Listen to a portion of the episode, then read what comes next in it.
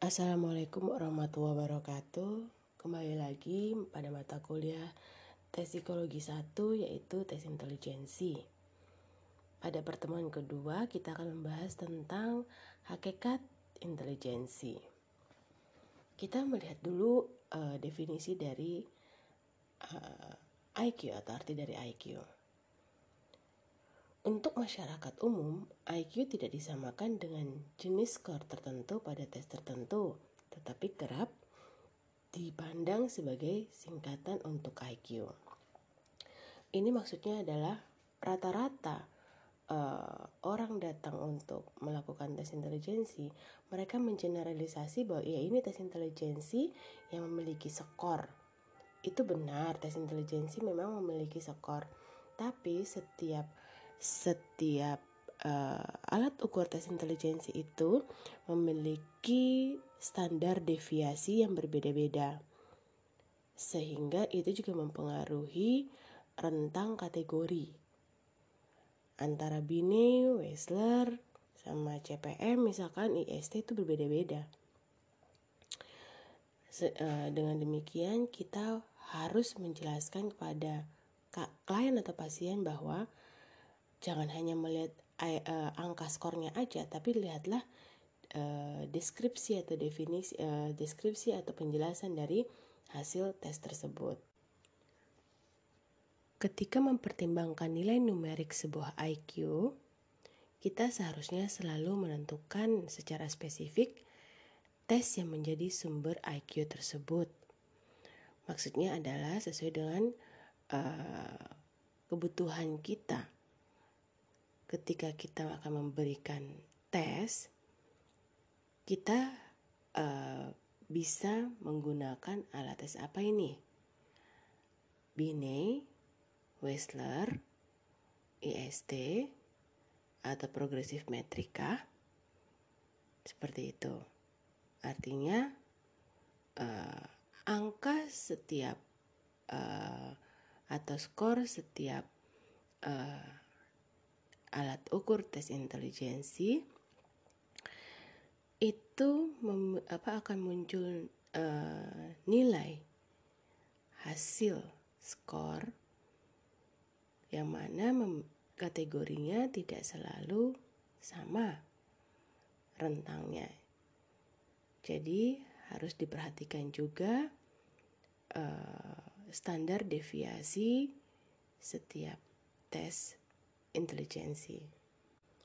Standar deviasi itu adalah uh, suatu rumusan dalam ilmu statistika untuk melakukan pengukuran pada kelompok data yang tersebar dari nilai rata-rata. Artinya setiap alat ukur uh, intelijensi itu pasti sudah pernah diuji cobakan sehingga menjadi, uh, mendapatkan uh, standar deviasi yang mana bisa digunakan di uh, negara atau budaya itu. Tes-tes intelijensi yang berbeda menghasilkan IQ yang berbeda dalam isi dan cara-cara yang mempengaruhi interpretasi skor. Di sini maksudnya adalah uh, setiap tes intelijensi itu memiliki uh, administrasi pengerjaan tes yang berbeda-beda. Namun intinya adalah me mencari kemampuan uh, intelijensi yang mana nanti dikeluarkannya secara skor. Akan tetapi pada tes intelijensi yang sebenarnya bukan hanya melihat skornya berapa dan kategorinya apa. Namun kita bisa mendeskripsikan, kita bisa menjelaskan, kita bisa mempertanggungjawabkan uh, hasil skor itu dalam bentuk penjelasan deskripsi. Sejumlah perbedaan tes-tes memiliki nama yang sama, yaitu tes intelijensi. Artinya kegunaannya adalah untuk mengukur seberapa ke, uh, kemampuan uh, berpikir kemampuan ataupun kemampuan umum, kemampuan abstraksi seseorang. IQ merupakan ekspresi dari tingkat kemampuan individu pada saat tertentu berhubungan dengan norma usia tertentu yang ada. Di sini maksudnya adalah kemampuan IQ itu sangat tergantung pada bagaimana individu mendapatkan sebuah pengalaman atau pembelajaran uh, atau uh, mendapatkan sebuah uh, informasi yang banyak di lingkungan dan juga disesuaikan dengan norma usia sehingga tidak bisa digeneralisasi norma usia dari ke, apa uh, usia prasekolah, sekolah dan juga dewasa itu tidak bisa. Maka kenapa tes IQ itu uh, sudah di apa? Sudah ditentukan ini buat anak-anak item-item soalnya seperti apa? Buat dewasa item-item uh, eh, IQ-nya seperti apa? Tes intelijensi bukan kemampuan tunggal dan seragam, tetapi merupakan komposit dari berbagai fungsi.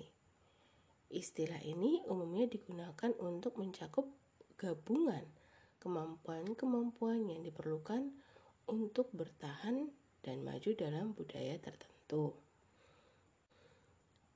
Kemudian, IQ adalah cerminan dari prestasi pendidikan sebelumnya dan alat prediksi kinerja pendidikan selanjutnya. Artinya, kemampuan IQ seseorang itu dilihat dari bagaimana individu itu memiliki sebuah pengalaman di lingkungannya, mendapatkan banyak informasi, dan uh, dia memiliki sebuah kemampuan prestasi di lingkungan sebelumnya, artinya uh, pada fase-fase uh, perkembangannya juga ya dilihat pada bagaimana kemampuan sebelumnya dan juga uh, ini untuk melihat bagaimana uh, kinerja kemampuan pendidikan selanjutnya di tingkat yang lebih tinggi. Upaya untuk memahami apa yang diukur oleh tes-tes intelijensi tidak hanya mencakup prosedur statistik standar validitas konstruk seperti misalkan analisa faktor, tetapi aplikasi teknik pemrosesan informasi pada tugas-tugas yang disajikan dalam tes intelijensi. Pendekatan belakangan ini berfokus pada proses-proses mendasar lewat peserta tes sampai pada jawaban terhadap pertanyaan tes lebih daripada mempertimbangkan ketepatan jawaban. Jenis analisa seharusnya memberikan kontribusi secara substansial pada penggunaan diagnostik tes dan pengembangan program pelatihan untuk memenuhi kebutuhan individu secara spesifik. Artinya pada tes intelijensi ini bisa digunakan untuk membantu dalam menegakkan diagnosa karena tes intelijensi juga kerap kali digunakan oleh para psikolog-psikolog klinis membantu dalam melihat bagaimana fungsi dari uh, kognisinya, fungsi dari kemampuan intelijensinya. Apakah terdapat permasalahan-permasalahan ataukah bisa juga melihat dari tes intelijensi itu misalkan kayak Wessler adakah uh, terjadi kerusakan pada fungsi otaknya dari mana? Dari hasil hasil tes individu tersebut. Kemudian kita lihat ketika hasilnya uh, nampak seperti ada kerusakan pada fungsi uh, berpikirnya atau fungsi uh, intelijensinya, maka ini sebagai dasar kita bisa mengajukan hasil ini ke tenaga profesional lain uh, yaitu dokter untuk menindaklanjuti uh, kondisi pasien begitu. Motivasi dan intelijensi. Hubungan antara kepribadian dan intelijensi bersifat resiprokal atau timbal balik. Ciri-ciri kepribadian tidak hanya mempengaruhi perkembangan intelektual, tetapi tingkat intelektual juga mempengaruhi perkembangan kepribadian.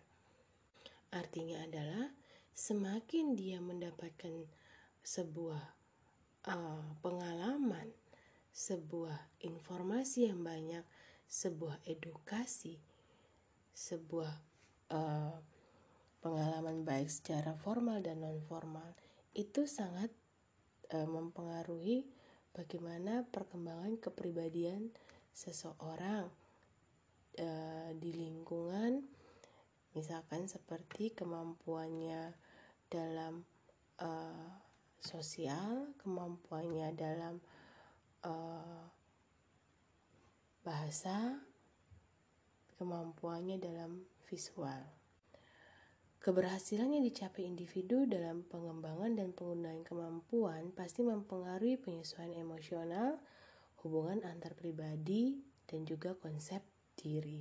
Beberapa penyelidikan telah menemukan korelasi substansial antara perilaku anak-anak pada variabel-variabel kepribadian dan pengembangan kognitif selanjutnya yang dinilai melalui instrumen seperti WISC atau Wechsler dan juga standar eh, Stanford Binet. Pengaruh perilaku anak-anak sangat berpengaruh pada pengasuhan perilaku sosial orang dewasa yang dia dapati di lingkungannya, baik lingkungan terdekat maupun lingkungan luar. Sekarang kita membahas mengenai analisa faktor dan analisa tugas kognisi atau kognitif. Prosedur pengolahan informasi yang baru dikembangkan dari psikologi kognitif memberikan sumbangan penting. Tidak hanya pada pemahaman tentang apa yang diukur oleh tes-tes intelijensi, tetapi juga pada pemahaman tentang pembentukan dan pengembangan. Riset analisa faktor pada intelijensi tidak hanya memperhatikan apa yang diukur tes intelijensi, tetapi juga memperhatikan hakikat dari intelijensi tersebut. Ketika dipertimbangkan dari pandangan lebih luas, intelijensi manusia terdiri dari perpaduan keterampilan kognitif dan juga pengetahuan serta pengalaman individu berfungsi di lingkungannya. Demikian materi saya pada pertemuan kedua. Silahkan dipelajari terlebih dahulu. Terima kasih. Wabillahi taufik walhidayah. Wassalamualaikum warahmatullahi wabarakatuh.